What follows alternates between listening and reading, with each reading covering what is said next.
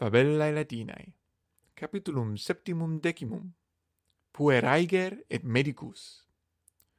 Hodie mane Marcus dicit se electo surgere non posse nec ludum petere. Cur surgere non potes? interrogat Daus.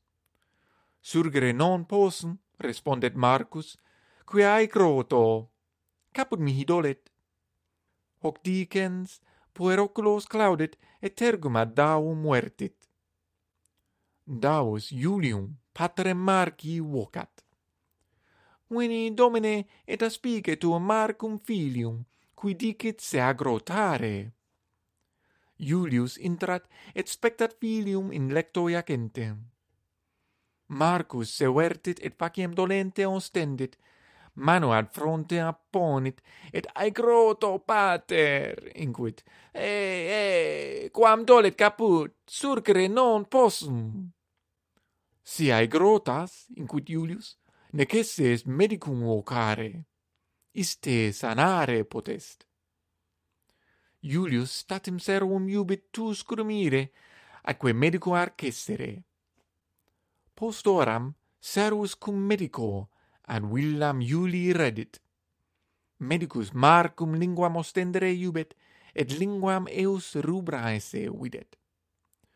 Tum oculos et aures eus spectat, et frontem eus tangit. Nec nimis calida, nec nimis frigdast frons.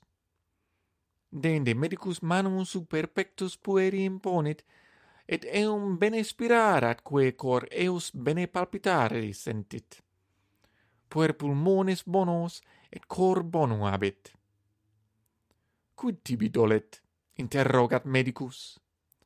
Caput et venter dolet, respondet Marcus. Tum medicus, ergo, inquit, corpus tuum nimis plenum est sanguinis, nec esse est venam aperire, ecce culter meus.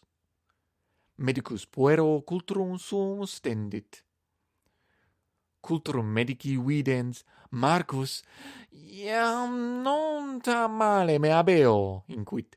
Satis bene me valere sentio, caput iam non dolet neque me ventre malum abere putto.